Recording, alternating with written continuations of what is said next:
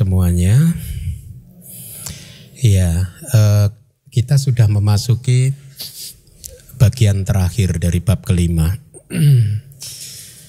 Kalau kita sudah selesai bab kelima ini berarti Anda sudah mempelajari semua hal yang perlu penting tentang apa itu yang sering kali Anda mendengar sebagai nama atau batin.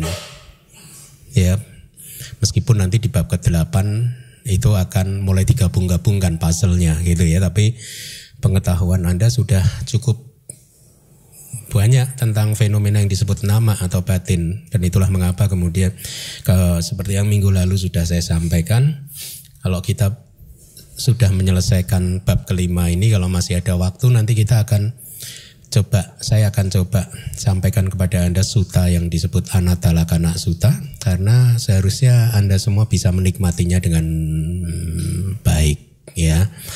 Karena penjelasan dari kitab komentarnya dari Anatalakana Sutta itu sangat bercirikan abidama.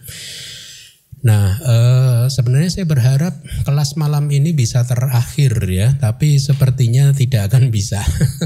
Mungkin butuh satu kali kelas lagi atau dua ya, kalau kita mau pelan-pelan. Di bagian akhir ini kita akan mempelajari proses kematian dan kelahiran kembali. Jadi eh, coba Anda bayangkan eh, ingat-ingat apa yang sudah kita pelajari ya, kita sudah mempelajari eh, proses kognitif ya di sepanjang kehidupan kita melalui proses kognitif pintu batin panca indera dan pencapaian-pencapaian udah kita pelajari ya. Kemudian proses kemunculan pati sandi juga sudah kita pelajari ya dari makhluk atau individu dari alam ini dia bisa ke mana saja. Ya nanti juga di bagian akhir kita akan pelajari lagi. Kita juga harusnya sudah mempelajari itu kan? Nah sekarang tinggal satu bagian satu titik terakhir di dalam satu durasi kehidupan yang disebut proses kematian dan kemudian kemunculan kembali kelahirannya itu eh, kemunculan kelahiran kembalinya di subbab ini itu yang akan kita pelajari yaitu cuti pati sandik kama proses kematian dan kelahiran kembali ya. Sebelumnya saya akan coba ulang dulu minggu kemarin belum sempat saya ini kan ya. Anda saya harap mempunyai apa? Uh, slide ini bisa dilihat. Uh, nanti mungkin minta tolong Pak Pranoto untuk membuatkan tabelnya. Ini tabel yang cukup bagus. Uh, result of sense sphere wholesome kama artinya ini adalah buah dari kama baik lingkup indriawi. Ya. Yang kolom pertama itu SS sense sphere wholesome cita artinya kesadaran baik atau kusala cita lingkup indriawi atau maha kusala.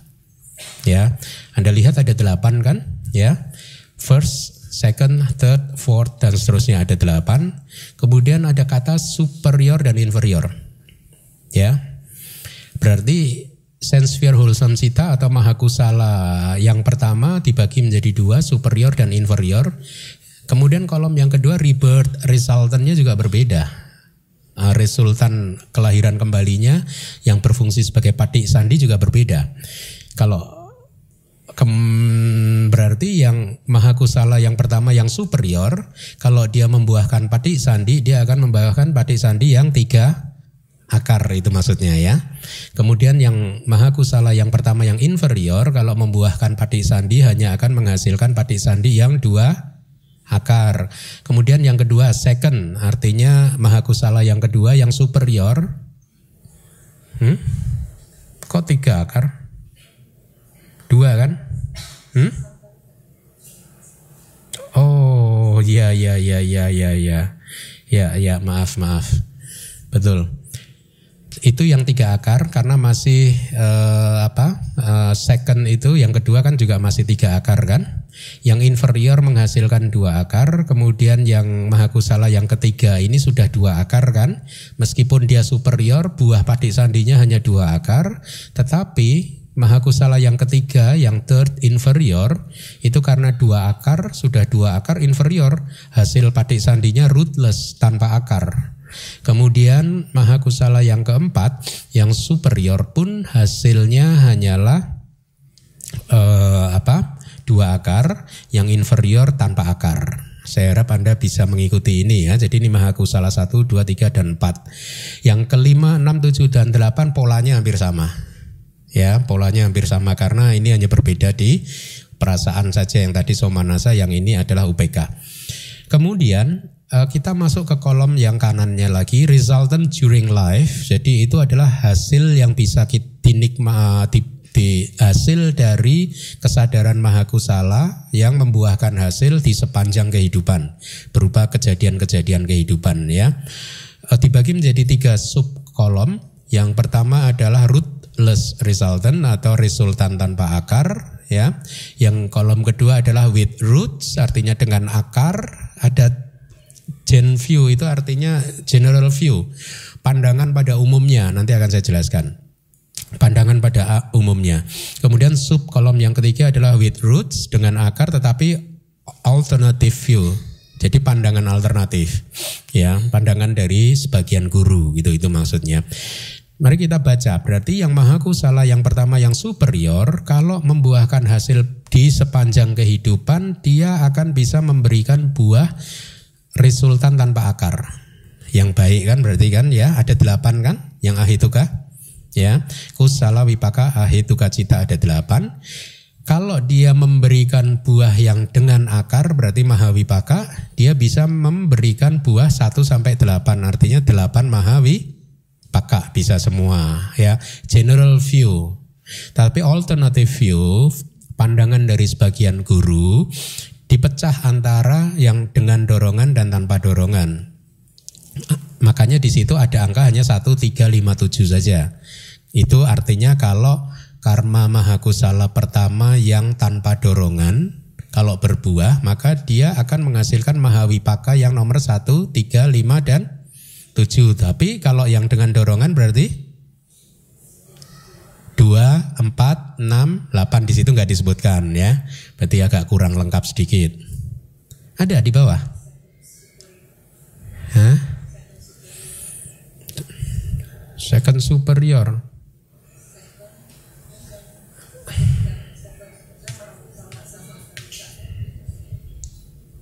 Oh ya, betul betul betul betul.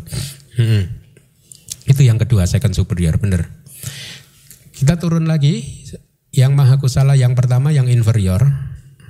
Ya, berarti karena dia inferior, dia membuahkan hasil di sepanjang kehidupan tetap bisa menghasilkan ahituka cita yang kusala wipaka semua, ya. Tapi mahawipakanya, general view-nya, dia hanya menghasilkan yang 3, 4, 7, 8. Itu artinya apa itu? Yang nyana wip payuta semua ya yang dua akar semua. Makanya 3 4 7 8. Alternative view-nya 3 dan 7 ya itu karena dibedakan yang uh, sangkarika ini. Eh, kemudian yang second superior berarti mahakusala yang kedua yang superior somanasa sahagata nyana sampayuta sa sangkarika kan dengan dorongan Hasilnya berupa ahituka cita kusala wipaka 8 didapat, kemudian general view 8 mahawipaka didapat, alternative view hanya yang sasangkarika yang mahawipaka 2, 4, 6, 8. Ya.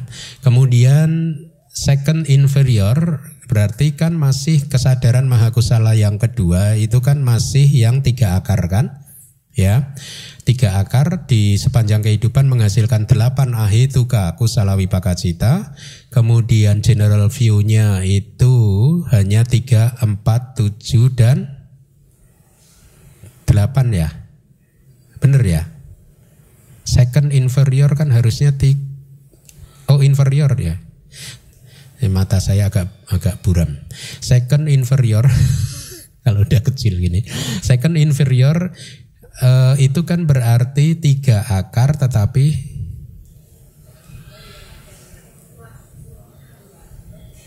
berarti dia hanya menghasilkan mahawipaka yang tanpa akar. Uh, dua akar sorry. Ya, tiga empat tujuh delapan itu yang dua akar. Paham ya? Yang 4 dan 8 alternative view itu karena dibedakan sesuai dengan uh, dorongannya ya. Dengan atau tanpa dorongan. Nah, yang ke bawah semakin ke bawah juga sama cara cara membacanya. Paham nggak? Saya rasa tidak perlu sampai bawah ya. Atau perlu sampai bawah? Hmm? Perlu nggak? Enggak ya, karena masih ada lagi yang jadi itu cara membacanya. Sebenarnya ini adalah materi yang sudah kita pelajari minggu lalu ya. Minggu lalu kita sudah kupas ini. Ini hanya tabel yang akan mempermudah Anda ya untuk mengingat-ingatnya. Oke. Mari kita lanjutkan. Sekarang kita masuk ke materi minggu ini. Empat kemunculan dari kematian. Saya harapkan PIC-nya membaca siapa? Kemunculan kematian ada empat jenis, yaitu melalui habisnya usia, melalui habisnya kama, melalui habisnya keduanya, dan melalui kama yang menghancurkan. Itu bahasa palinya sudah saya beri warna kuning. Ayu kaya, kama kaya, ubaya kaya, upaceda kama. Ya, itu bahasa palinya. Jadi kematian itu bisa muncul melalui salah satu dari empat sebab ini, yaitu habisnya usia dan seterusnya. Uh, di kitab yang lain diberi perumpamaan seperti lampu minyak. Bayangkan ada lampu minyak, pakai sumbu ada minyaknya nyala, ya. Apinya akan tetap menyala kalau sumbunya masih ada, minyaknya masih ada, tidak ada kekuatan yang mematikannya. Jadi api tetap menyala, tetapi nyala api lampu minyak ini akan mati kalau sebabnya ada empat. Satu, sumbunya habis sumbunya habis, api padam. Ya. Atau minyaknya habis. Kalau minyaknya habis, lampu e, apinya juga padam, ya. Kemudian atau sumbu dan minyak habis bersamaan. Ya, ya. Atau ada angin yang besar yang meniup itu sehingga padam. Atau ada usaha ekstra dari manusia atau apa pun yang membuat api itu padam. Empat sebab api lampu minyak itu padam. Itu perumpamaan untuk Anda supaya mudah untuk menghafal bahwa proses kematian itu akan muncul kalau salah satu dari uh, empat sebab ini uh, apa uh, muncul atau terjadi ya. Jadi berkaitan dengan yang terakhir tadi adanya angin atau usaha manusia untuk mematikan api lampu minyak, Anda bayangkan meskipun minyaknya sebenarnya masih, sumbunya juga masih, tetapi karena kena angin dia padam. Ini perumpamaan tentang sebenarnya karma seseorang masih, karma produktif yang menghasilkan kelahiran dia sebagai manusia itu masih bisa mempertahankan kehidupan sampai umur panjang. Atau uh, mungkin uh, sebenarnya durasi uh, misalkan kalau manusia itu dikatakanlah uh, di zaman sekarang ini batas usianya 100 tahun sebenarnya dia belum mencapai batas akhir itu. Ya artinya dia sebenarnya masih bisa hidup panjang umur. Tetapi karena ada kama yang upat cedak tadi yang menghancurkan yang memotong ya maka meskipun karma produktifnya itu panjang tapi akhirnya dia jadi pendek umur. Ya itu yang dimaksud sebab yang keempat. Nah menurut Buddhism yang disebut atau orang awam menyebut sebagai kematian itu menurut Abhidhamma itu ke, hanya sebenarnya terjadi karena adanya gangguan pada nama dan rupa ya. Nama dan rupa jiwitindria. Jadi kita akan mempunyai cetasika jiwitindria toh ya. Nanti pada saat bab 6 kita juga mempelajari rupa, kita mempunyai rupa jiwitindria atau indera kehidupan untuk materi. Yang membuat materi itu bisa melangsungkan prosesnya dari muncul berlangsung sesaat sampai kemudian terurai. Itu yang membuat bisa bertahan itu adalah jiwitindria sama dengan cita cita cita kita bisa bertahan muncul berlangsung kemudian terurai itu karena ada cetasika yang disebut ji witindria. Nah kalau jiwitindria baik itu yang nama maupun rupa itu terganggu di dalam satu kehidupan kita saat ini maka kematian muncul.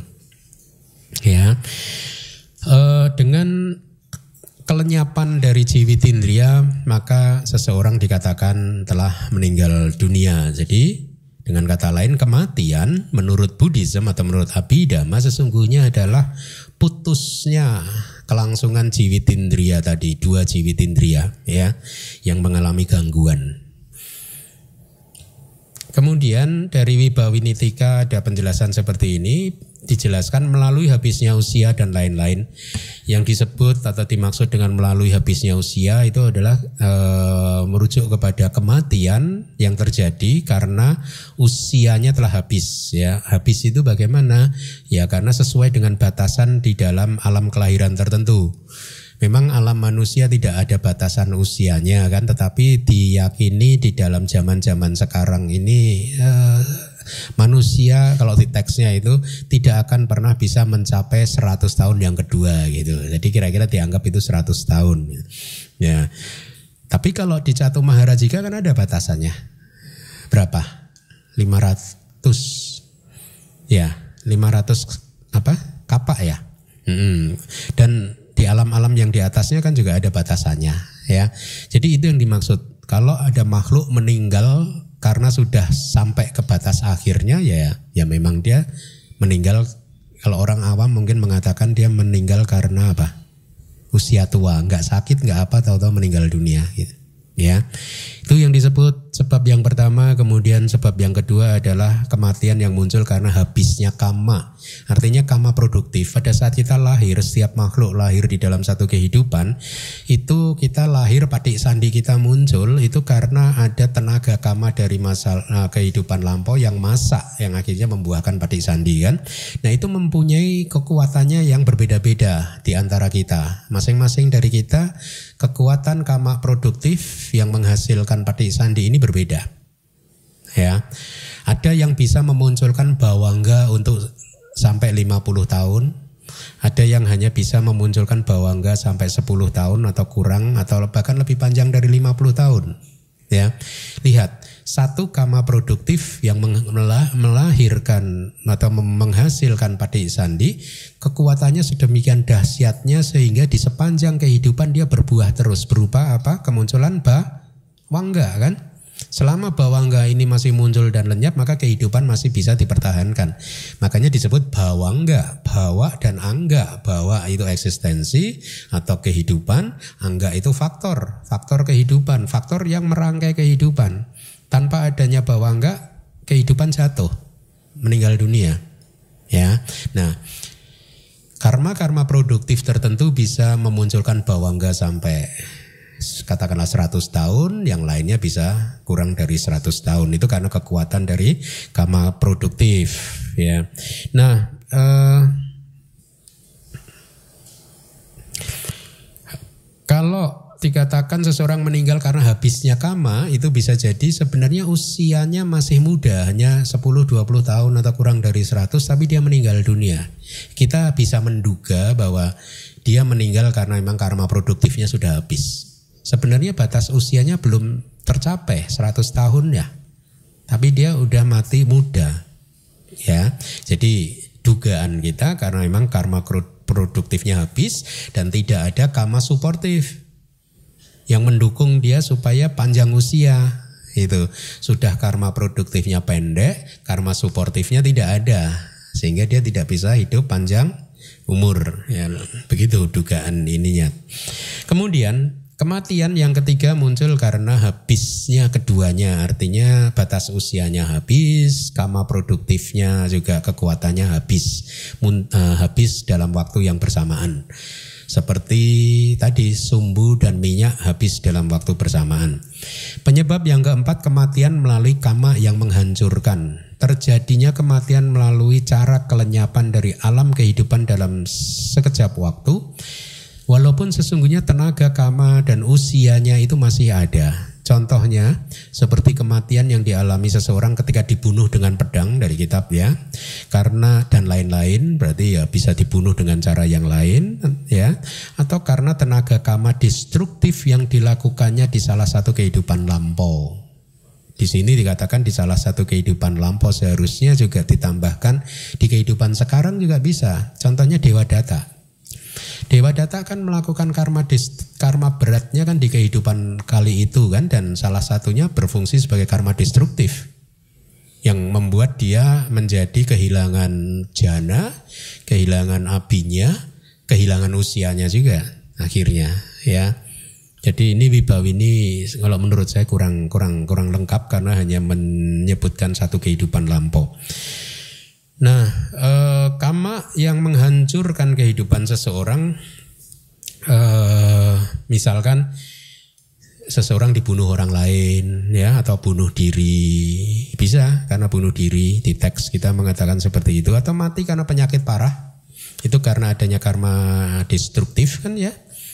Kemudian mati karena kecelakaan, korban terorisme, bencana alam, itu adalah contoh-contoh yang kita bisa dapatkan untuk uh, menunjukkan bagaimana bekerjanya kama destruktif yang menghancurkan kehidupan seseorang.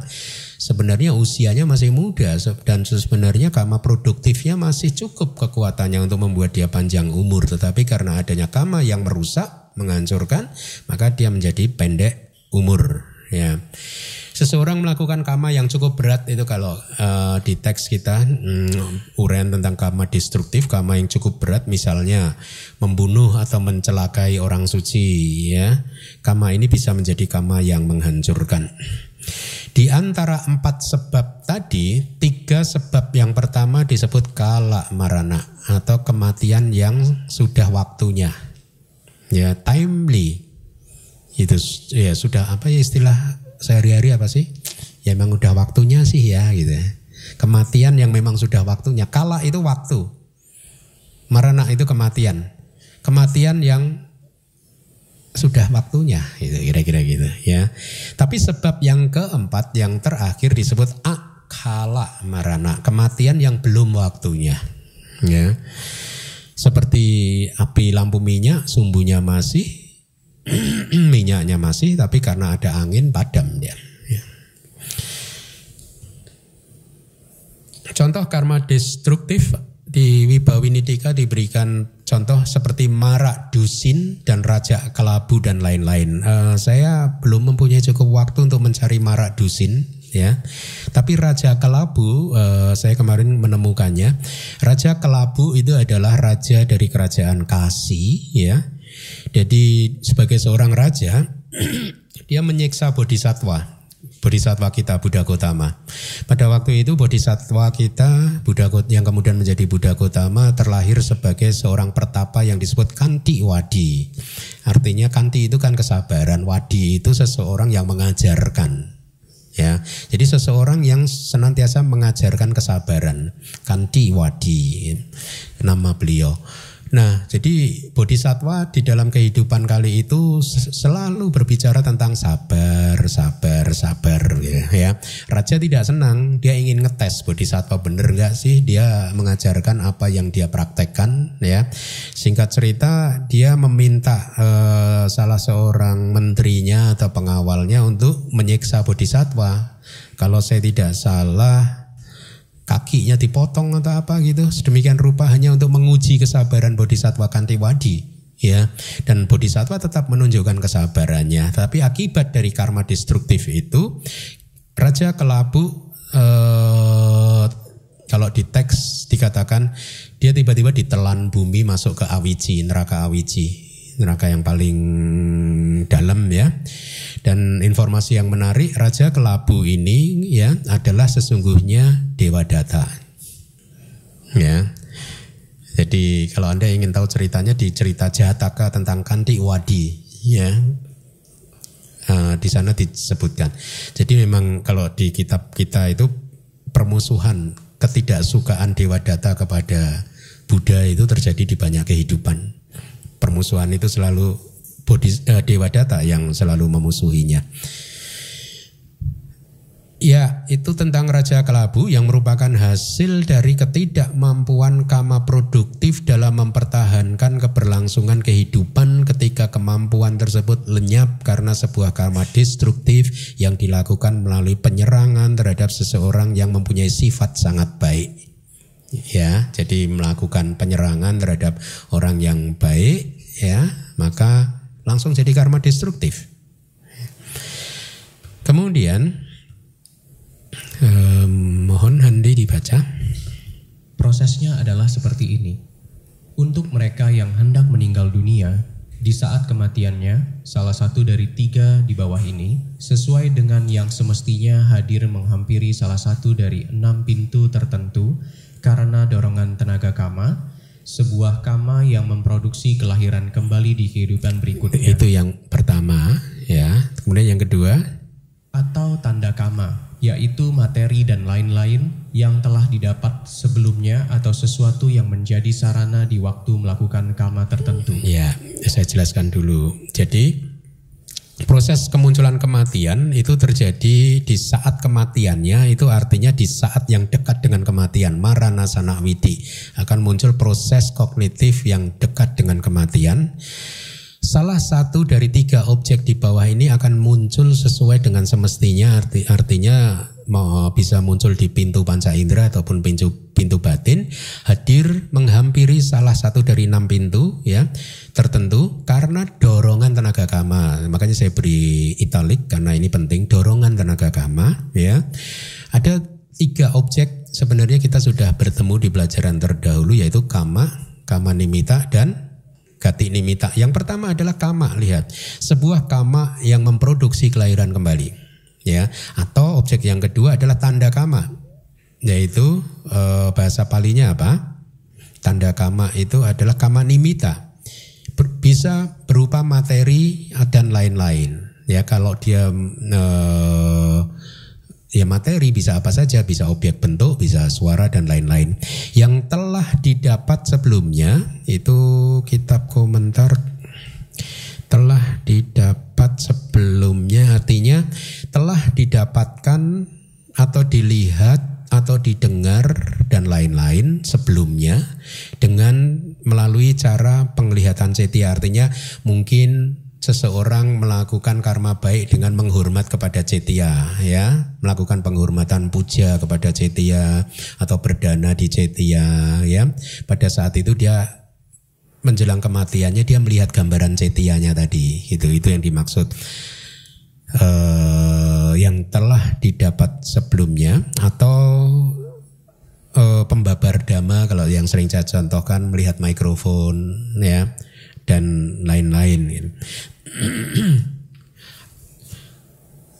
yang telah didapat sebelumnya atau sesuatu yang menjadi sarana di waktu melakukan kama tertentu sebenarnya kita sudah belajar itu tanda kama itu kan sesuatu yang menjadi instrumen kan alat untuk melakukan karma tertentu gitu ya jadi misalkan hmm, kalau saya do saya dulu menjelaskannya agak detail bahwa tanda kama itu dibagi menjadi dua yaitu tanda yang utama dan tanda yang sekunder gitu.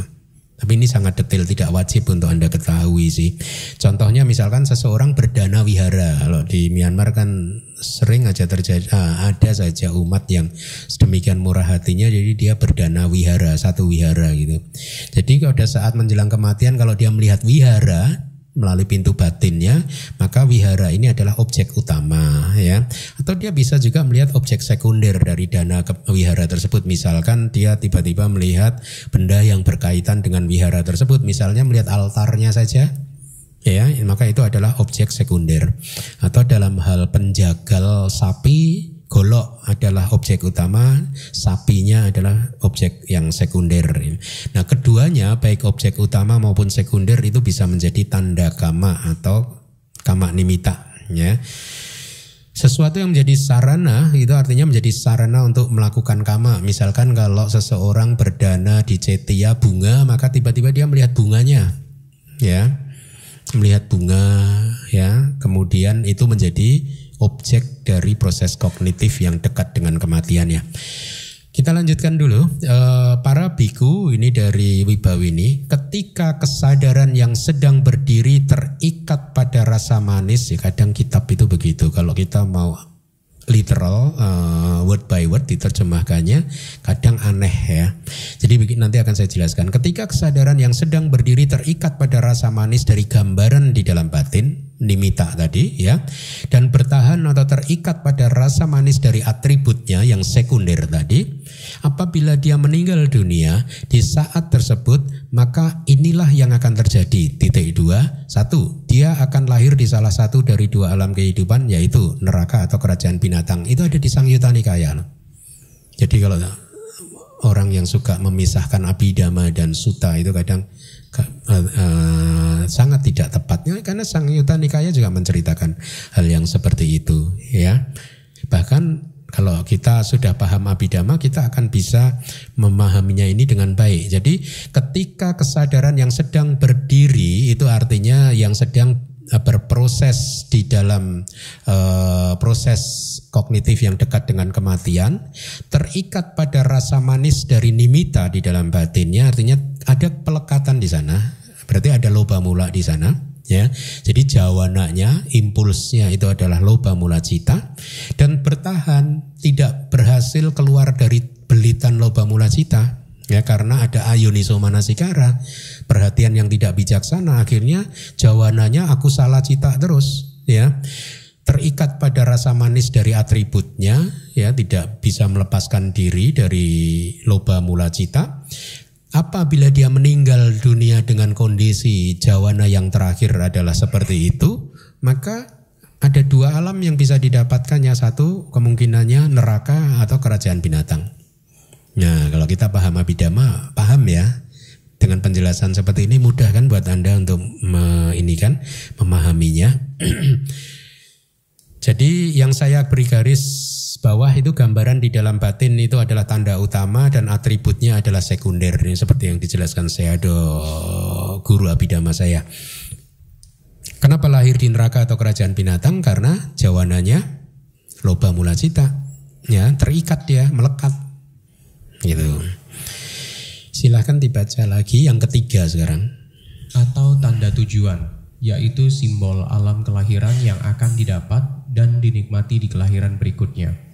Selanjutnya, berkaitan dengan objek yang hadir demikian itu, rangkaian kesadaran sesuai dengan kama yang matang, murni atau ternoda dan sesuai dengan kelahiran yang akan didapatkannya terus-menerus mengalir. Stop dulu. Yang ketiga adalah gati nimita. Ya, jadi tadi kama, kama nimita dan sekarang gati nimita. Lihat simbol alam kelahiran yang saya beri garis garis bawah yang akan didapat dan dinikmati di kelahiran berikutnya itu artinya apa? Tanda kelahiran kan ini kan ya, eh, tanda tujuan berarti di mana dia akan terlahir. Jadi artinya adalah alam kelahiran yang akan dinikmatinya. Ya, misalkan kalau di teks disebutkan dia akan melihat bidadari teks kita melihat bidadari kita mirip-mirip ya. Terus kalau perempuan melihat bidadari gimana? Hah? Gender. Begitu perempuan yang mau meninggal dunia melihat bidadari cemburu kok kamu cantik amat, ada dosa mula citamu mau udah mau lahir di surga gak jadi. Karena jealous kan biasa perempuan kan gitu kan, kalau ada yang cantik ya malah iri malahan. Hmm, nggak jadi lahir di surga. jadi poinnya adalah pada saat siapa pun ini pelajaran yang sangat bagus di saat-saat terakhir di dalam kehidupannya kita harus tenang ya. Karena dengan ketenangan terus memperhatikan muncul lenyap maka kita bisa menjaga jawana kita untuk tetap maha kusala. Jadi uh, simbol alam kelahiran yang akan didapat dan dinikmati di kelahiran berikutnya. Tadi bisa melihat dia bidadari atau melihat istana kalau dia mau lahir di surga atau melihat pohon-pohon surga ya. Atau kalau dia mau lahir sebagai manusia dia akan melihat kandungan seorang ibu ya. Um, semuanya adalah tanda kelahiran yang baik. Tanda kelahiran yang tidak baik dia melihat api itu tanda kelahiran di neraka atau penjaga neraka yang matanya merah gitu kadang membawa ini membawa itu senjata gitu. Itu adalah tanda kelahiran yang tidak baik ya.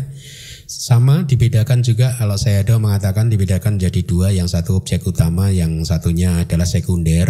Objek utama di situ adalah objeknya alam kehidupan yang akan didapat Objek sekundernya adalah pengalaman kehidupan di alam tersebut misalkan. Kalau seseorang akan lahir sebagai manusia, objek utamanya dia akan melihat kandungan ibu, ya. Kalau mau lahir di surga, objek utamanya dia melihat istana atau kalau lahir di neraka, dia melihat api neraka, ya. Objek sekundernya adalah pengalaman kehidupan di alam tersebut. Jadi dia akan seolah-olah di detik-detik terakhir itu mengalami kehidupan sebagai dewa, sudah seolah-olah sudah seperti dewa. Anda sering ya bermimpi begitu ya? Sering kan? Nah itu itulah kira-kira itu. Mirip-mirip lah situasi. Saya seringnya kebakar api loh Bante. ya saya hanya bisa prihatin aja. Makanya sebelum tidur baca meta. Biar mimpinya wah jadi dewa nanti. Kira-kira begitu loh. Memang benar eh, kira-kira kejadiannya di detik terakhir begitu yang proses kognitif yang dekat dengan kematian. So kita seolah-olah mengalaminya sendiri, ya. Entah sebagai dewa atau sebagai manusia, kalau dia mau lahir lagi sebagai manusia, ya, atau tiba-tiba dia seolah seperti binatang, ya. Pengalamannya itu sangat nyata. Gitu. Selanjutnya, dilanjutkan. Biasanya condong ke arah kelahiran tersebut atau kama produktif tersebut mencapai pintu indriawi dalam bentuk seolah-olah nah, baru. Ini menarik. Berarti tadi di slide yang tadi ada yang kurang. Saya akan jelaskan. Saya baca dulu. Selanjutnya berkaitan dengan objek yang hadir demikian itu tadi kama kama nimita atau gati nimita kan ya. Rangkaian kesadaran saya pisahkan sesuai dengan kama yang matang baik itu bisa rangkaian kesadaran yang murni atau yang ternoda dan sesuai dengan kelahiran yang akan didapatkannya ya. Jadi di proses kognitif uh, menjelang kematian Marana Sanawiti ini bercerita tentang Marana Sanawiti proses kognitif menjelang kematian. Jadi rangkaian kesadarannya bisa murni atau ternoda ya berkaitan dengan alam kelahiran yang akan didapatkannya terus menerus mengalir ya dan biasanya condong ke arah kelahiran di alam tersebut. Ya maksudnya apa? Ya saya ini apa? Semakin saya membaca kitab-kitab komentar maupun subkomentar, ada satu kekaguman yang sangat kuat dari dik saya tentang para guru acarya di masa lalu yang menulis kitab komentar dan subkomentar. Kekaguman saya itu khususnya tentang bagaimana presisi yang sangat presisi kalau menjelaskan sesuatu dan konsistensi. Sangat konsisten gitu. Salah satu contohnya ini, ada kata biasanya. Biasanya condong ke arah kelahiran tersebut. Jadi ini bercerita tentang kondisi seseorang yang mau meninggal dunia.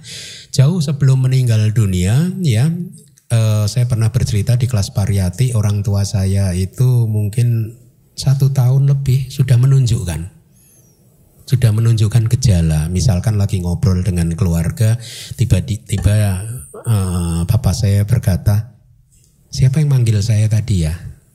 Gitu kan? Sering nanti tiba-tiba ngobrol eh siapa tadi yang lewat? Saya tanya siapa yang lewat? Kayak apa bentuknya? Enggak manusia biasa. Saya udah udah happy dulu. Terus kalau dia mengucapkan kok ada yang pakai parfum ini ya gitu. Harus dilihat nggak orang orangnya gitu. Sering kali dia mengatakan melihat, kadang melihat dewa, kadang melihat manusia gitu. Sehingga saya udah satu tahun sebelumnya saya udah merasa ini. Ini udah mulai condong gitu yang dimaksud. Sudah mulai condong, bahkan lama loh. Ya, tapi tentu saja bisa berubah. Nah, makanya tugas kita yang yang yang ada di dekatnya untuk terus mengkondisikan supaya tetap positif. Jadi kata condong itu bisa terjadi mungkin satu jam sebelumnya, dua jam sebelumnya, atau bahkan lebih lama. Arus batinnya sudah mulai mengalir menuju ke alam kehidupan yang akan didapatkannya. Itu yang dimaksud. Tapi ada kata biasanya, artinya apa? Karena ketika seseorang mati mendadak, maka arus kesadarannya mungkin sudah tidak punya waktu untuk condong ke alam kelahiran yang baru. Penjelasan menarik ya. sedemikian detailnya itu yang membuat saya itu sangat hormat kepada para guru di masa lalu gitu ya jadi kalau ada seseorang yang mati mendadak entah kecelakaan atau apa tidak mengalami kecondongan ini tidak diketahui atau kalau di teks itu ada lalat ditepuk dap ya dia udah nggak sempat lagi gitu tapi kalau yang mati normal meninggal dunia normal kita bisa tahu. Sebelum meninggal dunia baik itu satu jam dua jam sebulan dua bulan sebelumnya atau bahkan lebih lama lagi udah mulai condong ke arah situ. Udah mulai yang mengatakan sesuatu yang aneh-aneh.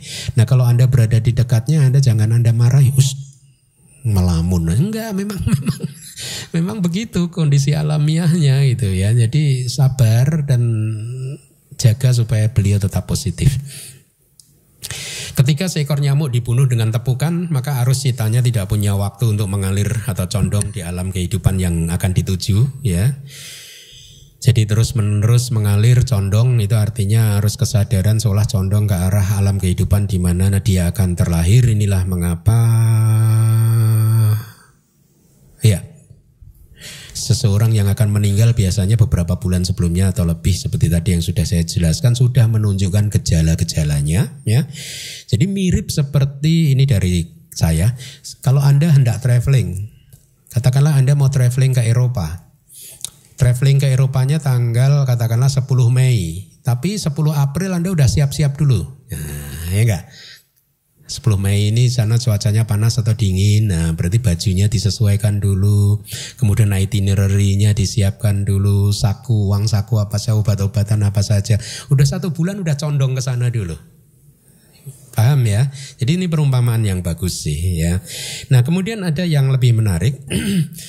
ada yang menarik lagi atau kama produktif tersebut mencapai pintu indriawi dalam bentuk seolah-olah baru. Artinya apa?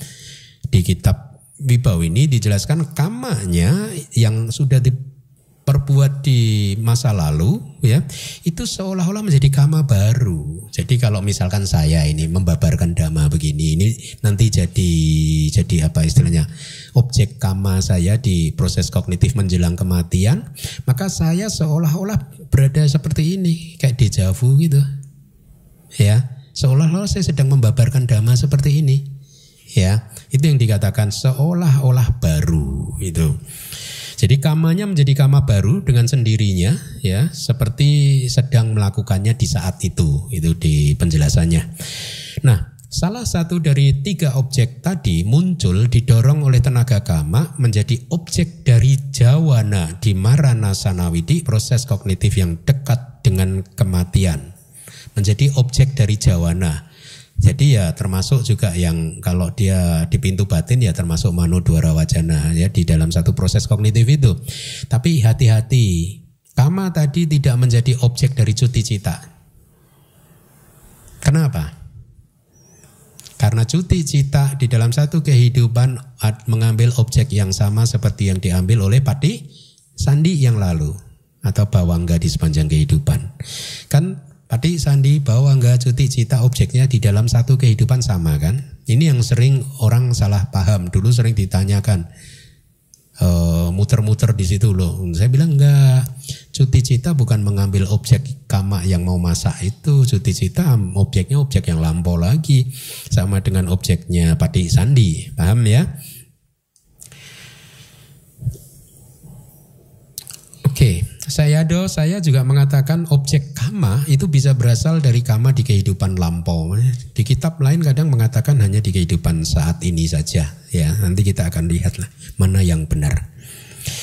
Selanjutnya dibaca lagi. Untuk dia yang berada di dekat kematian, di akhir proses kognitif atau di kelenyaman faktor kehidupan, kesadaran kematian muncul dan lenyap menjadi menjadi akhir dari kehidupan saat ini dalam bentuk kematian. Di akhir kelenyapan kesadaran kematian, tanpa antara dengannya, sebuah kesadaran yang disebut penyambung kelahiran kembali muncul dan kokoh di kehidupan berikutnya, berkaitan dengan objek yang telah diambil. Anda sudah mendapatkan pembagian proses kognitif dari dari panitia. Hah? Eh, itu tadi berbicara tentang apa tadi objek apa? Kita lihat dulu aja eh, uh, tabel yang dibagikan yang mana? Proses dengan kesadaran kematian yang muncul setelah kesadaran yang mempertahankan objek. Ya. Uh, kita kembali dulu ke teks yang tadi dibaca oleh uh, Handi ya. Saya akan jelaskan dulu. Eh, tadi udah dibacakan. Untuk dia yang berada dekat dengan kematian, ya, yang menjelang kematian, di akhir proses kognitif menjelang kematian, ya, atau di kelenyapan faktor kehidupan. Jadi, kemunculan kesadaran kematian bisa muncul persis di akhir proses kognitif menjelang kematian, atau begitu proses kognitif menjelang kematian itu selesai, bisa disela bawangga dulu. Artinya, jadi misalkan katakanlah jawanannya lima kali sudah muncul karena lemah kan. Kemudian katakanlah kalau ada tadara mana muncul dua kali ya. Lenyap proses kognitif selesai kan. Bawangga dulu satu muncul. Tap setelah itu bawangga lenyap baru kesadaran kematian muncul. Itu yang dimaksud. Jadi ada dua kemungkinan kesadaran kematian atau cuti cita bisa muncul di akhir proses kognitif atau di kelenyapan faktor bawangga setelah kelenyapan faktor bawangga eh, faktor kehidupan ya. Kesadaran kematian muncul dan lenyap kemudian eh, sorry menjadi akhir dari kehidupan saat ini.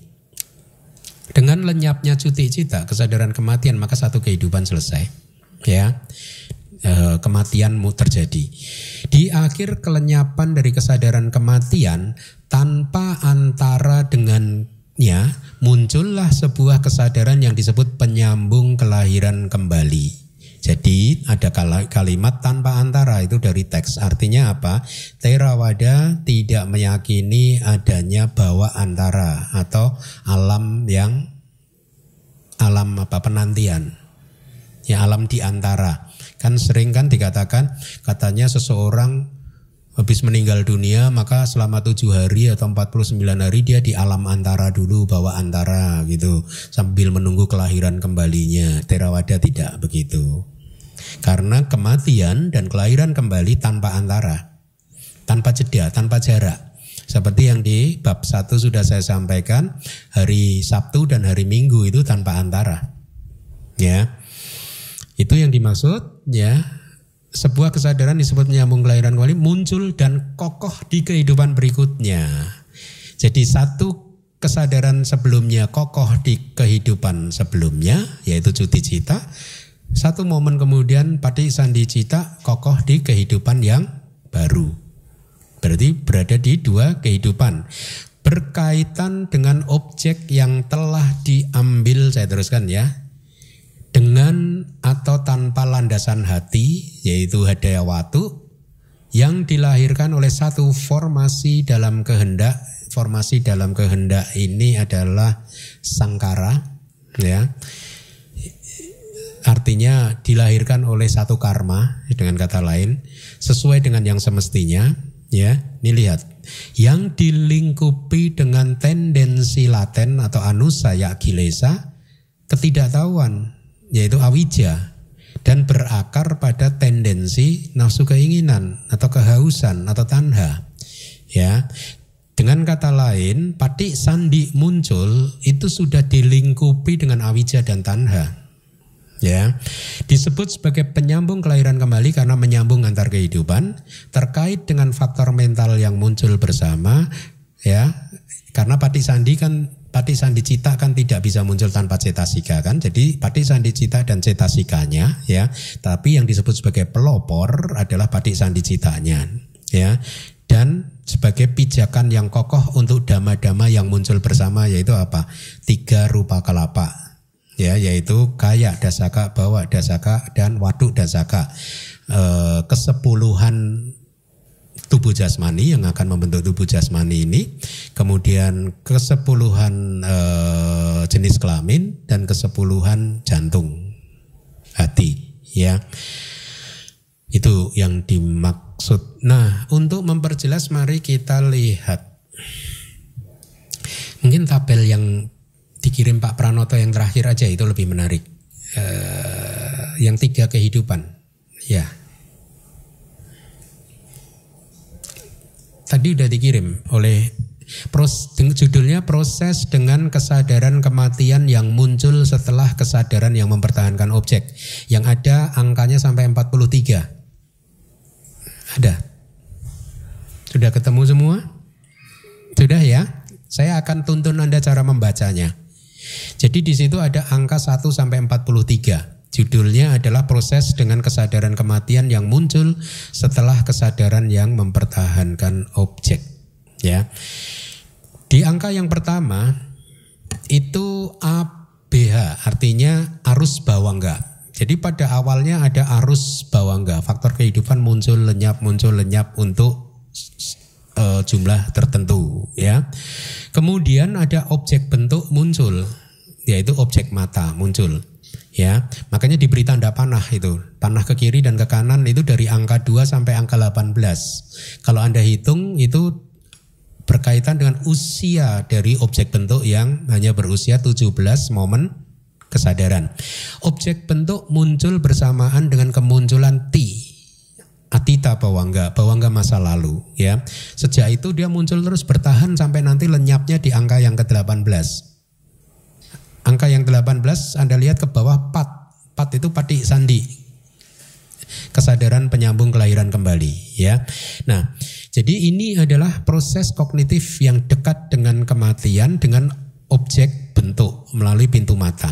Prosesnya berlangsung setelah bawangga ti kemudian bawang gana celana yaitu apa getaran faktor kehidupan. Kemudian bawang upaceda yaitu penghentian faktor kehidupan. Panca duara wajana caku winyana kesadaran mata. Sampati cana kesadaran yang menerima atau penerima. Santirana kesadaran investigasi. Wotapana kesadaran yang memutuskan. Jawananya anda hitung hanya lima kali. Tidak tujuh Ya, satu, dua, tiga, empat, lima. Kenapa lima? Karena semuanya sudah melemah. Arusnya sudah melemah. Kenapa melemah? Karena tubuhnya lemah. Tubuh jasmani kita lemah. Bukan karena apa? Citanya sih tetap. Tetap kuat seperti biasa. Tapi karena tubuhnya lemah. Makanya harus citanya juga ikut melemah. Ya. Sama kan orang tua juga kadang ya tubuhnya udah lemah, citanya sebenarnya masih kuat. Kemarahannya masih kuat. Setelah angka ke-14, angka ke-15. Tat mana muncul dua kali. Ya. Di diagram ini cuti cita muncul setelah tadaramana. Tapi sebenarnya di angka 17 ada kemungkinan muncul bawangga juga. Bisa juga. Kalau angka 17 itu bawangga, angka 18 baru cuti. Paham ya? Nah, Anda lihat angka 17 adalah cuti cita. Pertanyaan saya, objeknya masih objek masa kini, masa lalu, masa depan? Hmm? Hmm? Masa lalu? Huh? Uh -uh. Objeknya masa lalu atau masa lampau atau masa depan, masa sekarang? Hah? Masa depan ada masa lalu, ada masa sekarang. Yang masa depan siapa? Tunjuk jari. Yulia? Ya bagus. Ya.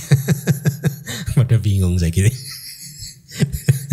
cuti cita objeknya masa lampau. Kenapa? Karena cuti cita di sini objeknya sama dengan bawangga dan pati sandi di kehidupan itu. Padahal objeknya masih eksis nih objek bentuknya. Panahnya masih ada itu. Tapi cuti cita tidak mengambil objek itu. Seperti yang tadi tiga kata ya. Setelah lenyap cuti cita muncullah patik sandi angka ke-18. Pertanyaan saya objek patik sandinya masa lampau atau masa sekarang atau masa depan? Masa sekarang. Kenapa saya tanya begini? Karena nanti ada kemungkinan objek patik sandinya bisa lampau. Kayaknya bisa. Ya. Katakanlah kalau ini di sela bawangga satu aja patik sandinya udah lampau objeknya. Kan itu patik sandinya muncul persis di momen ke-17. Dengan lenyapnya patik sandi kan eksistensi objek bentuk lenyap. Kalau dia tadi di sela bawangga kan berarti patik sandinya muncul di angka 19. Sudah nggak ada objek bentuknya. Jadi dia mengambil objek bentuk yang lampau. Tapi dalam ini diagram ini patik sandi mengambil objek yang masa kini. Nah ini yang harus Anda hafalkan. Begitu patik sandi itu muncul dan lenyap selalu diikuti 15 atau 16 bawangga. Anda hitung itu. Di sini mungkin 15 saja. Angka 19 sampai angka 34 itu berarti 15.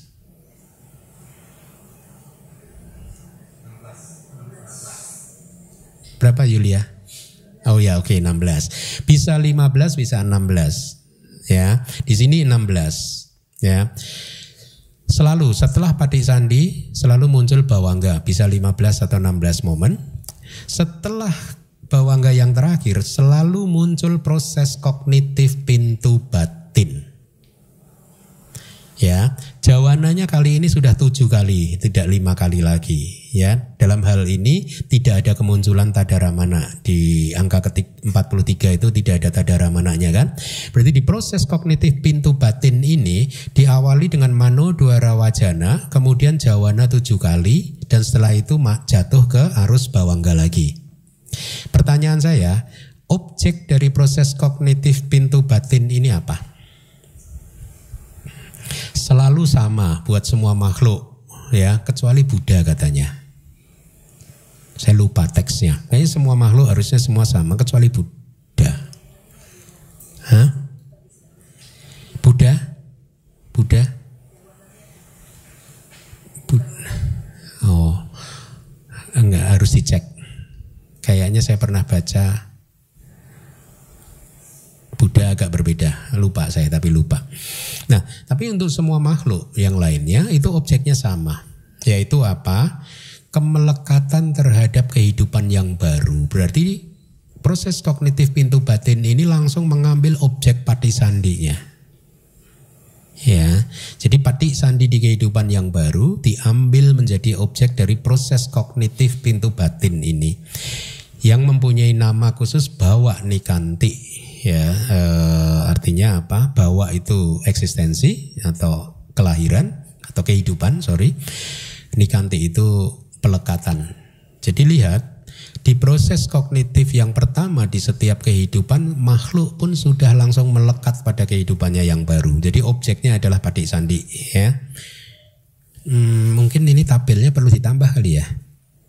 Di proses kognitif itu batin objeknya padik sandi Pak Pranoto. Ya.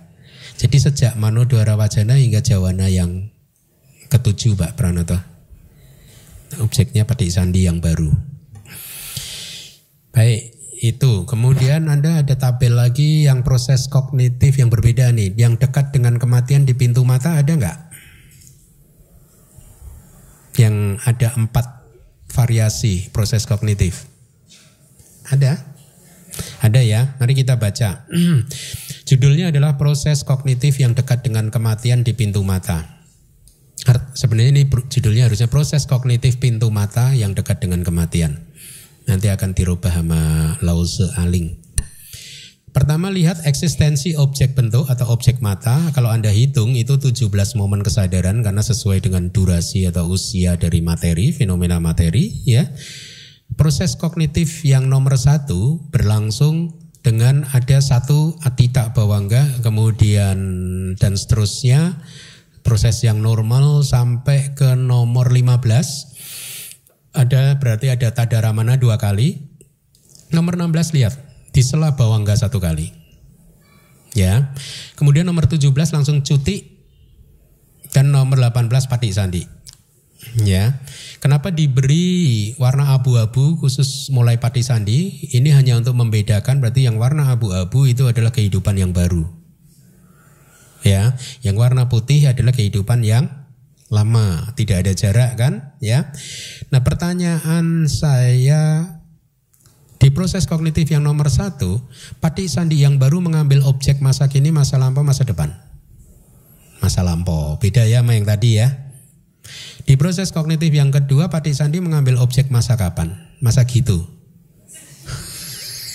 masa gitu sih?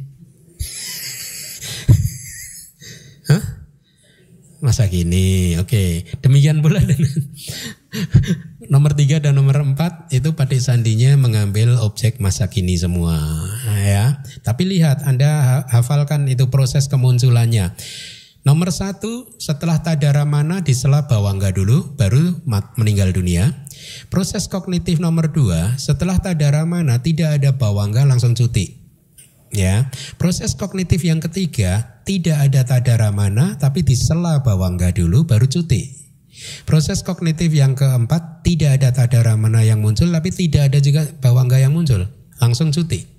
Jadi empat kemungkinan inilah proses kognitif di pintu panca indera bisa muncul ya uh, di pintu batin juga seperti itu jadi cuti cita bisa muncul di akhir proses kognitif atau setelah kelenyapan faktor kehidupan. Kalau dikombinasi variasinya ada empat itu. Ya. Baik berarti sudah paham. Kita lanjutkan sedikit lagi saja.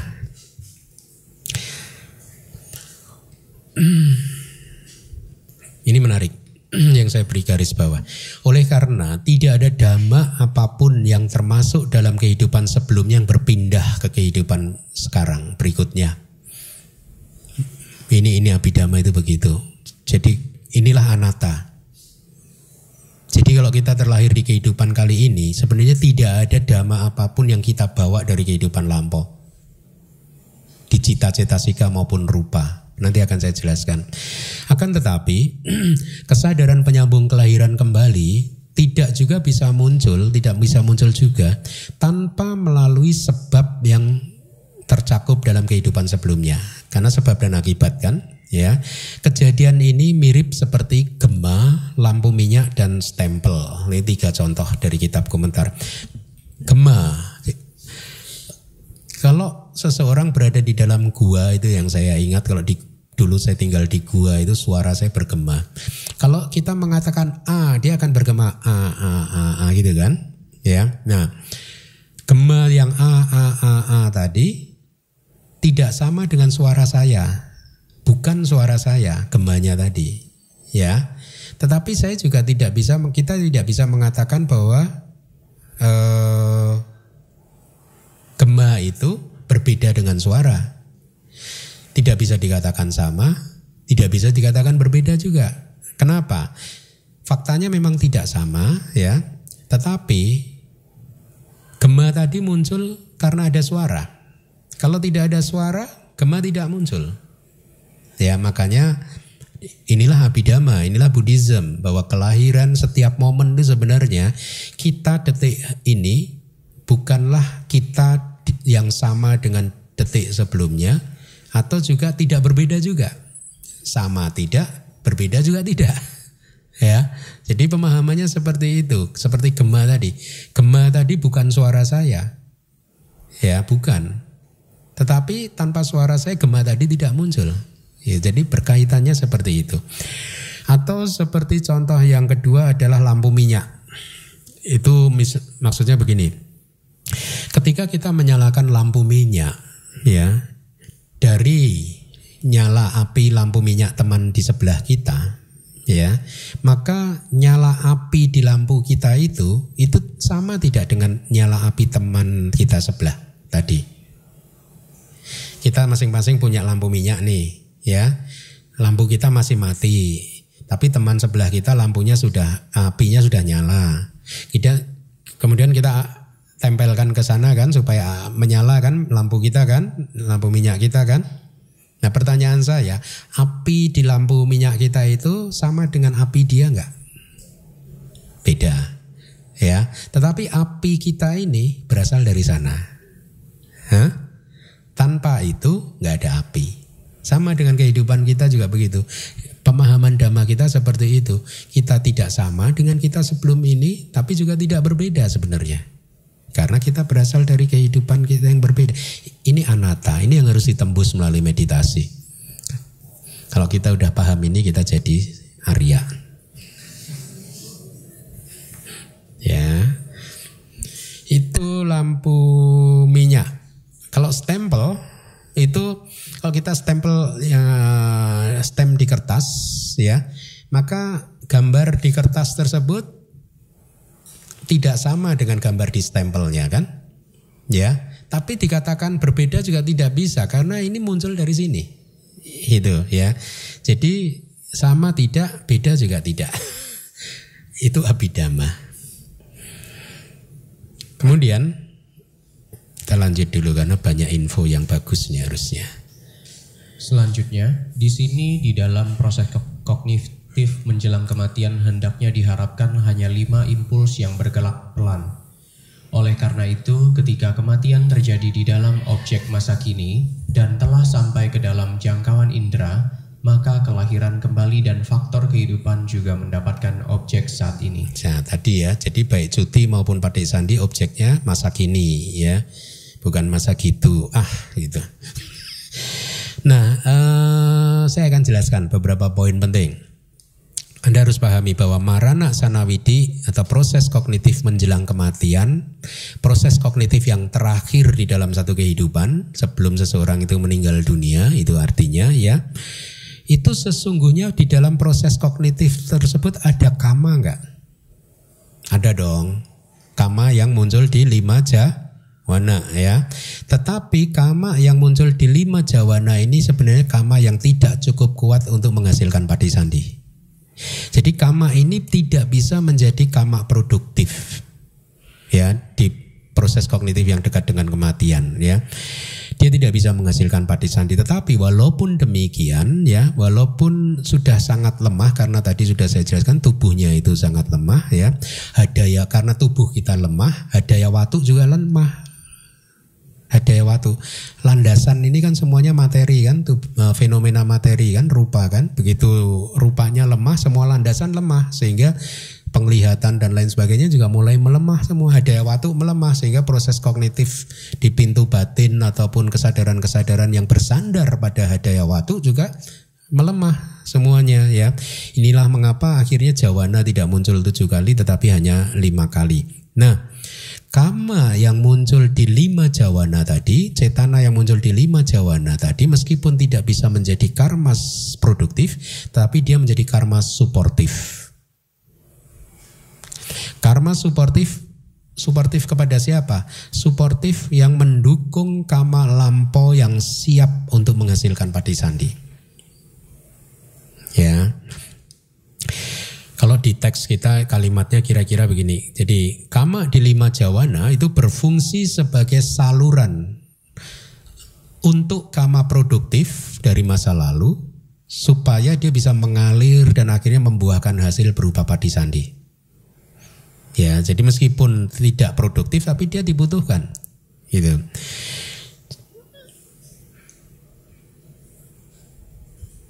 Tetapi walaupun dia hanya karma suportif. Ini yang menarik dan agak puzzling gitu.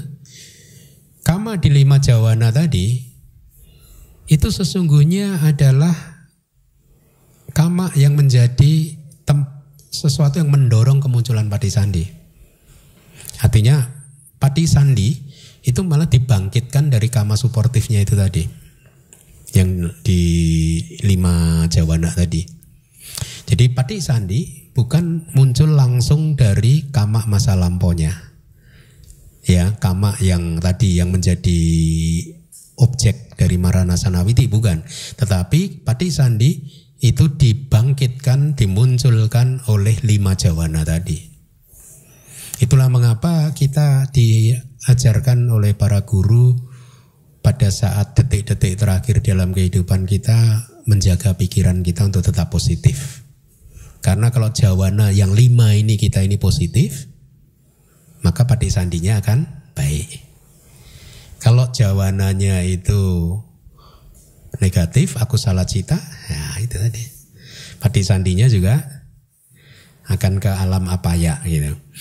Contoh dari kitab yang sering kita dengar adalah oh ya di kelas hari Minggu saya pernah menyampaikan ini ada seorang upasaka yang melihat yang Arya Sariputa berpindah patah kemudian sempat berdana kepada yang Arya Sariputa dan kemudian yang Arya Sariputa membabarkan dhamma ya. Setelah membabarkan dhamma dia bahagia sekali kan. Pada saat pulang di dalam perjalanan pulang di, uh, di tengah jalan dia diserutuk kerbau. Ya, dalam kondisi diserutuk kerbau kesakitan seperti itu dia tiba-tiba ingat tadi baru saja mendengarkan dhamma dari yang Arya Sariputa sehingga kegembiraannya, kebijaksanaannya muncul lagi dan akhirnya dia lahir di surga meskipun disuruh itu kerbau. Jadi ini contoh yang baik juga bahwa kita sebenarnya tidak bisa memastikan sih seseorang akan lahir di mana kan, tapi hanya secara teori kita bisa mengatakan kalau seseorang itu meninggal karena kecelakaan, kemungkinan besar itu akan lahir di alam bawah. Kalau dia tidak berhasil mempertahankan jawananya untuk tetap positif untuk tetap maha kusala. Kalau dia kesakitan terus meraung-raung, teriak-teriak, tidak terima dengan kondisinya, menyalahkan sana sini kanan kiri dan dia meninggal dunia dengan cita kualitas yang seperti itu, aku salah cita jawabannya, maka dia akan lahir di alam yang bawah. Tapi ini contoh yang bagus, meskipun disuruh tukar lahir di surga. Ya, bisa, bisa terjadi seperti itu.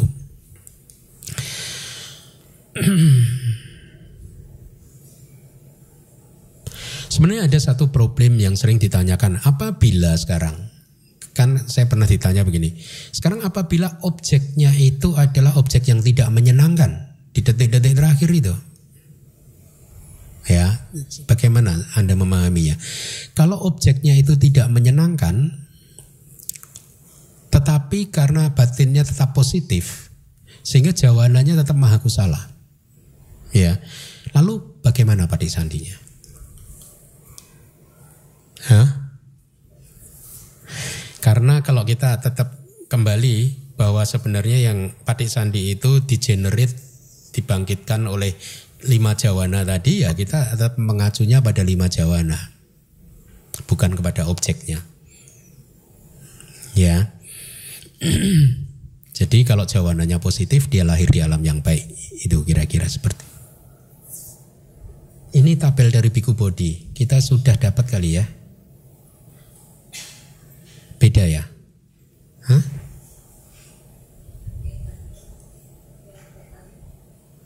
Ya sama kan? Itu B1 sampai B16 kan? Cuman dia lebih lengkap nih mungkin Pak Pranoto bisa refer ke ini sih. Old object, objek lama K, SK, SD, Kama, sign of Kama, yaitu Kama Nimita, sign of destiny, atau tanda tujuan gati nimita ya. Ribet bawangga dan seterusnya. Ada garis old object.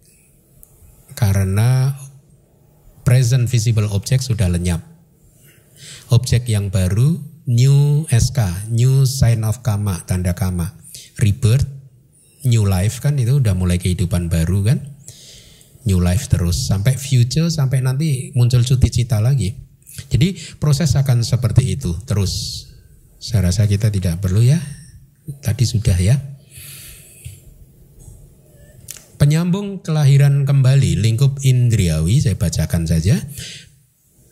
Pelan-pelan Anda sambil merenung menyirapnya. Penyambung kelahiran kembali lingkup indriawi Kama Wacara Pati Sandi mendapatkan objek saat ini atau masa lalu ketika objeknya adalah sebuah tanda kama atau tanda tujuan yang diambil oleh enam pintu atau salah satu dari enam pintu. Jadi tanda kama atau tanda tujuan itu bisa masa lalu bisa masa kini bisa menjadi objek di salah satu dari enam pintu yang akhirnya menghasilkan penyambung kelahiran kembali lingkup indriawi. Akan tetapi objek kama selalu hanya masa lalu. Paham ya? Kama tidak pernah masa sekarang. Ya. Dan diambil di pintu batin. Selanjutnya, semua objek tadi, kama-kama nimita dan gati nimita, karena kita berbicara kelahiran di lingkup indrawi, hanyalah objek yang terbatas atau parita. Masih ingat nggak objek terbatas itu apa saja? 54 kama wacara cita. Terus? 52 cetasika. Terus? Rupa berapa? 28. Terus? Cukup. Ya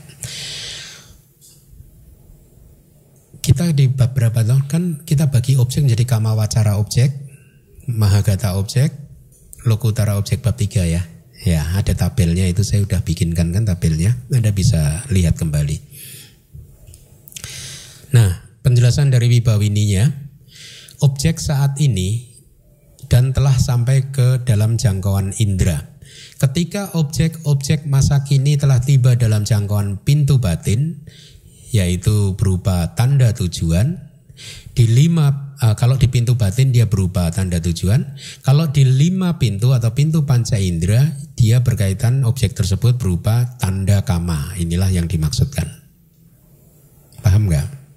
Ya, jadi kalau objek saat ini telah sampai di dalam jangkauan pintu batin, maka dia berubah apa? Tanda tujuan. Kalau dia munculnya di pintu panca indera, dia berubah tanda kama. Instrumen untuk melakukan kama bisa objek bentuk, suara dan lain sebagainya. Kelahiran kembali dan faktor kehidupan juga mendapatkan objek saat ini yaitu seperti tadi diagram tadi patik sandinya juga objeknya masih saat ini bawangganya juga saat ini tapi tidak semua bawangga. Ya tadi ada nggak di contoh tadi? Hanya mungkin beberapa bawangga harusnya. Hmm? satu atau dua bawangga yang tapil yang terakhir, proses kognitif yang dekat dengan kematian di pintu mata. Ada kan? Anda lihat itu, yang no, variasi nomor 3 dan nomor 4, itu nomor 17 bawangga kan? Masih bawangga objeknya adalah masih masa kini kan? Yang nomor 4 juga ada dua bawangga. Jadi bawangga bisa muncul satu kali atau dua kali mengambil objek masa kini ya. Itu yang dimaksud dengan kalimat tadi. Baik, saya rasa kita cukupkan dulu sampai sekali segini ya. Nanti kita lanjutkan minggu depan. Berarti masih ada satu kelas lagi. Terima kasih. Sadu, sadu, sadu. Terima kasih Wente atas penjelasannya ya, sama ini. Uh, kami persilahkan bagi kalian wanita yang ingin bertanya. Anda Miasin, kalau orang yang hmm, sudah uh, sekarat gitu dan hanya dibantu oleh alat alat bantu jadi proses kognitif menjelang kematiannya itu pada saat benar-benar alat itu dicabut atau memang sebelumnya gitu udah terjadi yang dibilang proses kognitif menjelang kematian itu. Proses kognitif menjelang kematian itu proses kognitif yang terakhir. Jadi pada saat ya kalau dia belum dicabut masih hidup berarti belum. Hmm. Mungkin setelah dicabut ya. Hmm. Tapi itu yang paling terakhir. Dari di satu kehidupan dia proses yang terakhir, setelah itu meninggal dunia. Durasinya sangat singkat sekali karena kan satu jentikan jari saja satu triliun kesadaran. Singkat sekali. Seper sekian miliar detik. Ya. Jadi selama proses itu masih masih hidup. masih bisa masih hidup dan bisa kita kasih uh, stimulan misalnya bacakan parita segala macam itu. Hmm, masih ya, bisa membuat masih, masih. jawana di lima jawana yang itu masih positif bisa, ya positif. masih masih masih. Cuman saya nggak tahu kalau kan sudah dibantu alat itu kesadarannya sekuat apa ya? Makanya itu keadaan yang saya tidak ingin temui di dalam kehidupan saya kalau kadang ya saya, kalau saya lebih baik saya akan hadapi gitu. Kalau saya sih berjuang untuk tetap menghadirkan sati. Kalau dibantu alat, kalau membuat dia kayak koma gitu, saya nggak tahu ya harusnya tidak baik loh malahan. Ya karena koma itu kan bisa ke bawah enggak? Bisa ke ke ke gimana kalau menurut saya kurang kurang baik sih. Ya kalau dibantu peralatan seperti apalagi dibantu obat-obatan kan? Ya saya itu yang kalau saya secara pribadi ingin hindari keadaan-keadaan sulit baik begitu itu buat saya nih. Karena kalau udah dibantu obat-obatan tuh saya teringat kalau makan obat flu aja udah kayak gitu kan hmm? sulit untuk mempertahankan batin untuk tetap mindful gitu kan untuk muncul lenyap itu kan ber, bertempur dengan rasa mengantuk dan melayang-layangnya itu. Iya. hmm. Dokter mungkin yang lebih tahu kalau dibantu alat gitu itu. Hah? Tapi masih. Nggak tahu juga. Iya nggak tahu sih. Tapi jantung masih bergerak kan? Bergerak. Otak, otak. Nah, otak, nadi juga. Ya, tapi denyut nadi juga masih.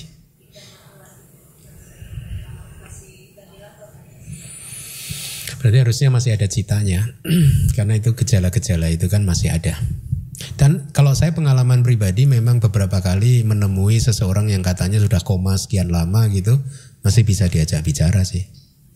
Masih bisa bereaksi. Yang koma, tapi kalau yang alat bantu ini saya nggak tahu sih. Hah? Eh, fasiko. Ya. ya. Serba sulit ya berada dalam keadaan begitu ya. Hidup enggak.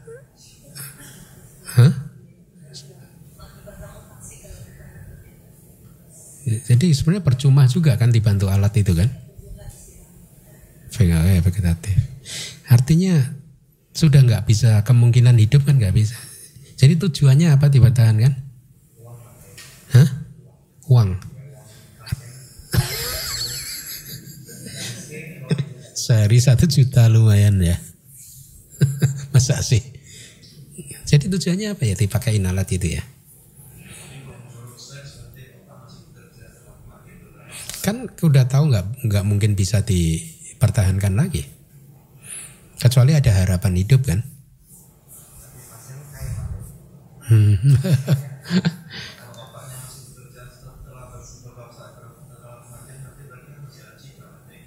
Nah enggak, maksudnya kenapa dokter memutuskan itu tujuannya apa gitu?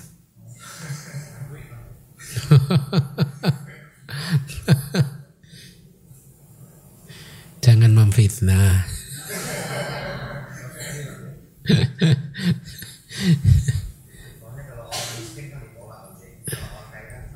Iya, enggak saya berpikir tentang tujuannya apa ya.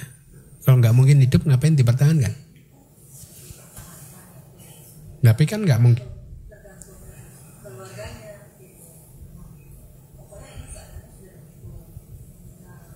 Oh, etik kode etiknya harus mempertahankan. Oh. Karena kode etik ya. Oh. Oke oke oke, paham sekarang.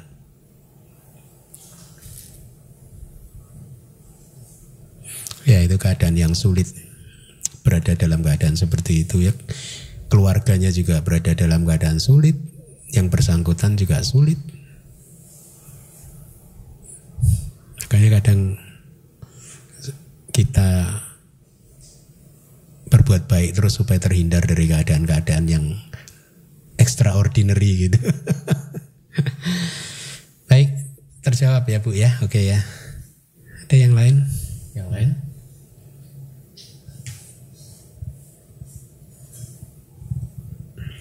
Hmm, Wandami Bante. Nanti mau nanya yang tadi kan uh, kematian tuh bisa karena empat kan ya karena usia habis atau kamu habis uh, atau tiga-tiganya habis. Nah kalau misalnya sekarang ini kan banyak orang menderita uh, usia meninggal pada usia 40-an tahun karena serangan jantung misalnya. Nah itu termasuk yang jenis uh, kamanya habis atau karena ada kama destruktif. Kita hanya bisa menduga sih ya Kemung, dua kemungkinan itu. Jadi mungkin karma produktifnya memang oh serangan jantung ya. Serangan jantung kemungkinan ya, kemungkinan karena ada karma destruktif. Karena kalau usia karma produktifnya pendek, itu matinya mati nggak ada apa-apa atau meninggal. Sakitnya ringan-ringan aja. Ringan-ringan aja. Gitu. Kalau orang dulu kan biasanya kalau orang-orang tua itu kakek kita eh si mbah itu meninggal loh kenapa sakit apa nggak tahu nggak ada apa-apa angin duduk ya itu jantung itu jantung ya jantung. oh uh -uh. itu serangan jantung ya iya. Papa saya itu meninggal waktu baca Quran, jantung ya. Nggak tahu. Kan kita nggak ini. Dia baca Quran, habis sarapan baca Quran, gitu, duduk meninggal dunianya. Hmm, ya antar dua itu, antara karma produktifnya itu sudah habis atau karena ada karma yang menghancurkan. Berarti nggak bisa diduga-duga gitu. ya. Sebenarnya kita tidak bisa, itu hanya bisa melakukan dugaan pendekatan saja. Memastikannya harus dengan apinya atau dengan penembusan melalui meditasi langsung. Satu lagi Bante. Hmm. Ini sebenarnya pertanyaan dari Lili nih. Dari siapa? Lili. Waktu itu pernah tanya ke saya karena di buku Kama itu eh, kan ada tentang ini juga Bante yang Pak kematian. Kemudian di, di di sana memang ditulis bahwa eh, proses munculnya kematian yang ayukaya itu yang pertama yang disebut sebagai kala marana, sisanya disebut akala marana. Tapi kalau tadi kan satu dua tiganya yang kala marana, yang eh, yang keempat doang yang akala marana. Ayu kaya. Jadi waktu itu saya kira karena dulu di ceramah Bante kalau tidak salah karena kala itu kan waktu jadi berhubungan dengan usia tapi ya mungkin saya bisa salah. Bentar ya. Ya, saya ingat-ingatnya dulu.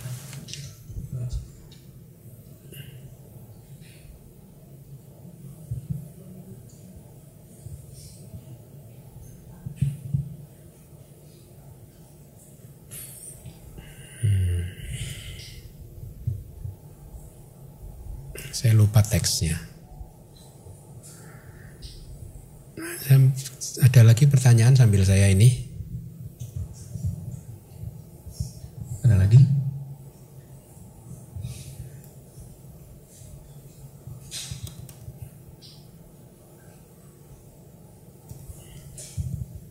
Nah udah Bante, malam Bante. Ah, mau tanya ini Bante, Hmm. kalau Gati ini mintanya bidadari gitu ya di alam surga gitu, kan cakep tuh Bante. Terus kalau dia bergembira, dia, dia jatuh cinta gitu Bante. Dia belum ke sana dia udah happy, dia terikat pada makhluk itu Bante. Pada pada Gati ini minta itu. Ini bakal betul-betul ke surga atau jatuh? Bante? Loba mula kan? Iya. Jawabannya loba mula kan? Iya. Nah itu yang membangkitkan Pak Sandi. Jadi jatuh Bante. Bu, ya dia akan lahir di alam. Salah sendiri gampang jatuh cinta. Makanya jangan terlalu mudah jatuh cinta. Jadi kalau begitu dia tetap harus tetap harus tenang gitu Bante. UPK gitu.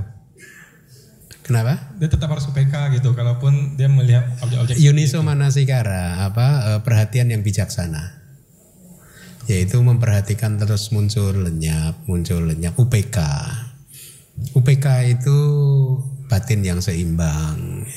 Oh, Oke, sebentar. jangan waduh cantik ya wah gitu matanya kedip-kedip itu tadinya udah merem jadi kedip-kedip terus gitu.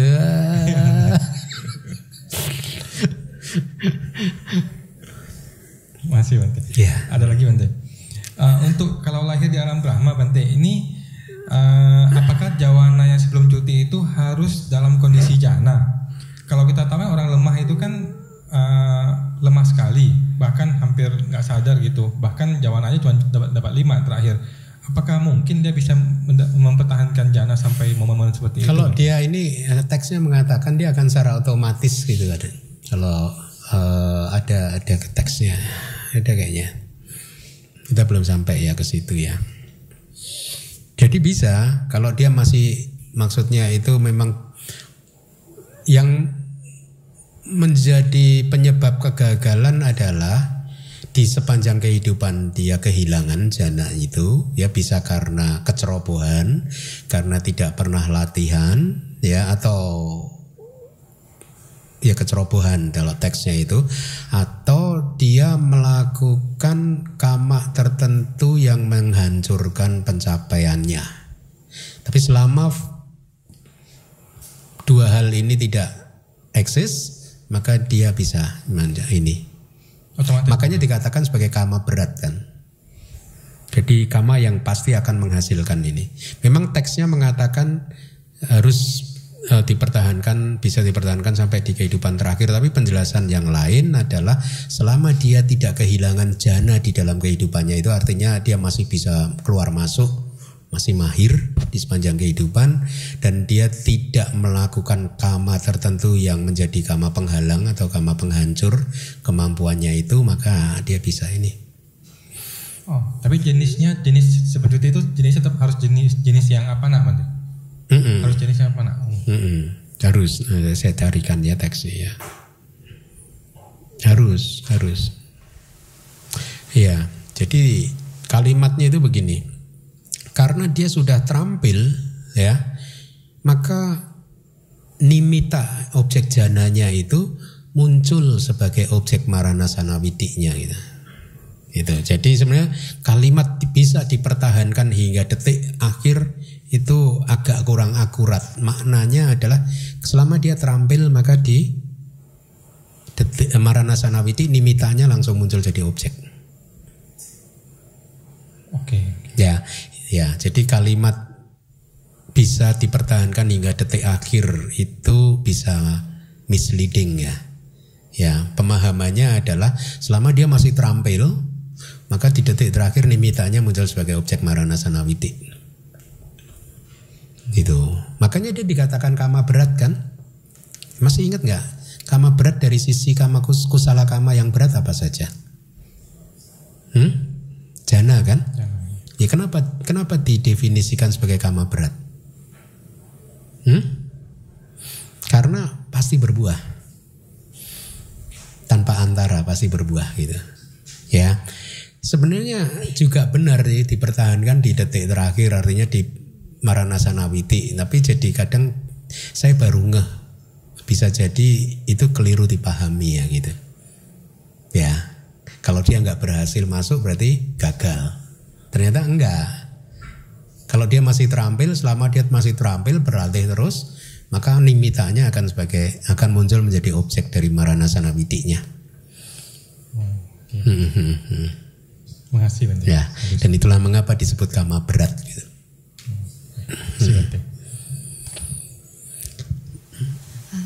Ah, malam Bante, saya mau nanya yang ada empat variasi proses kognitif di pintu batin ah, menjelang kematian itu hubungannya dengan empat jenis kemunculan kematian. Hmm. Jadi maksudnya kalau misalnya yang yang tadi yang eh, variasi yang keempat ya, itu kan eh, nggak ada tadaramananya gitu ya. Apa itu yang eh, sering muncul kalau misalnya eh, dari kemunculan kematian yang eh, karena kama destruktif kayak begitu? Tidak Apa di- ada hubungannya? Gitu? Tidak disebutkan ada hubungan sih, tidak disebutkan. Itu hanya eh, menceritakan tentang maranasana witinya, proses kognitif yang dekat dengan kematian.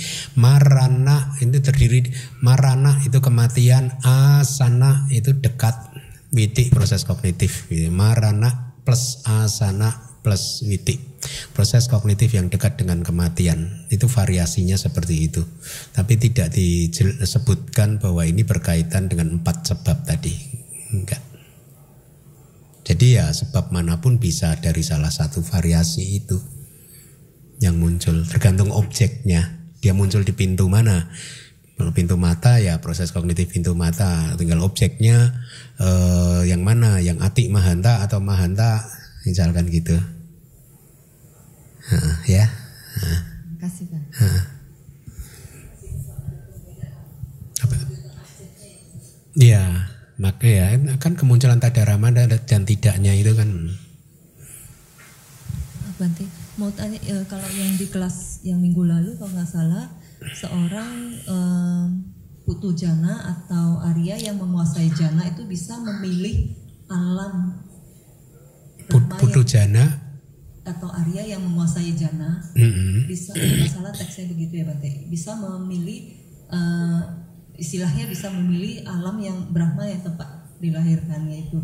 Berarti kalau di situ berarti di Maranasana Witinya itu eh, limitanya limitanya bisa berubah Iya, jadi itu berkaitan dengan kecenderungan dia. Kalau dia memang sudah beraspirasi ingin lahir saya pernah mendengar salah satu kawan saya itu beraspirasi untuk lahir di alam Brahma tertentu ya. Sehingga seumur hidupnya dia mahirkan di jana yang terkaitnya gitu jadi dia banyak melatih uh, memang banyak berdiam di jana tersebut gitu jadi sering sering muncul akhirnya jadi berlimpah ya begitu itu Jadi bukan di pas di akhir itu baru memilih gitu bukan ya nanti ya. Memang sudah dimahirkan di satu. Ah, sudah dimahirkan. Nah, sudah dimahirkan. Terima kasih. Ini kalamarana bener yang di yang saya sampaikan tadi loh. Hmm, berarti dicatat nih ya. Berarti tiga yang pertama Lili. Yang disebut kalamarana. Yang A kala yang terakhir. Nanti untuk catatan edisi kedua. Tolong ya. Baik, Ada lagi? Em, kalau tidak ada Handi mau ingin bertanya Bante. Eh, kalau tadi kan Bante sempat menyampaikan statement bahwa ada eh, kemungkinan di pada saat eh, misalnya kamanimitanya itu biarpun objeknya eh, aku salah misalnya ya mungkin let's say kita ngomong yang premi, eh, utama ataupun sekundernya melihat eh, binatang mungkin atau melihat eh, taruhlah yang paling berat misalnya apa objek yang ya tidak menyenangkan ataupun yang seperti tadi contoh Bante katakan eh, makhluk neraka yang seperti apa. Tetapi kalau eh, pada saat lima jawananya itu dan kita eh, penuh perhatian dengan Yoniso Manasikara, maksudnya kita eh, tetap tenang, menyadari bahwa ya itu muncul lenyap seperti itu, apakah memang bisa dipastikan bahwa kita tidak akan terjatuh seperti itu? Nah, ini sebenarnya tadi saya lupa menyampaikan. Ada kemungkinan kedua begini, selama kita yuniso manasikara, maka objek bisa di stop juga kan, jadi jadi positif lagi gitu. Eh kayak ceritanya itu kan, hmm, yang orang tua, yang anaknya biku arahat, itu kan dia beberapa hari sebelumnya selalu melihat objek tidak baik kan, kemudian anaknya melakukan eh, apa mempersiapkan untuk melakukan kebajikan. Nah, eh, kemudian berubah gitu. Ya. Jadi kalau kita melakukan yoniso manasikara karena ini proses ini sebenarnya maranasana witi itu kan sepersekian miliar detik. Ya. Jadi kalau yoniso manasikaranya let's say terjadi satu detik sebelum kematian aja dia udah udah bukan di eh, jauh sebelum maranasana witi loh itu. Bisa merubah eh, objek jadi positif lagi gitu. Itu seperti yang dilakukan apa yang terjadi di contoh orang tua yang melakukan persembahan bunga ke Cetia karena anaknya arahat itu kan ya ya. Jadi eh, selama Yuniso Manasikara maka aman. Dari kemungkinan mana pun aman ya karena yang mengenerate patik sandi pada akhirnya adalah jawananya gitu. Penting sekali Bante ya Yonis penting, itu dan lima jawana terakhir itu yang mengarahkan ya. Karena itu lorongnya ya istilahnya. Corong eh, saluran. Saluran yang membuat patik sandi muncul. Ya. Oke, terima kasih Bante. Ada lagi mau bertanya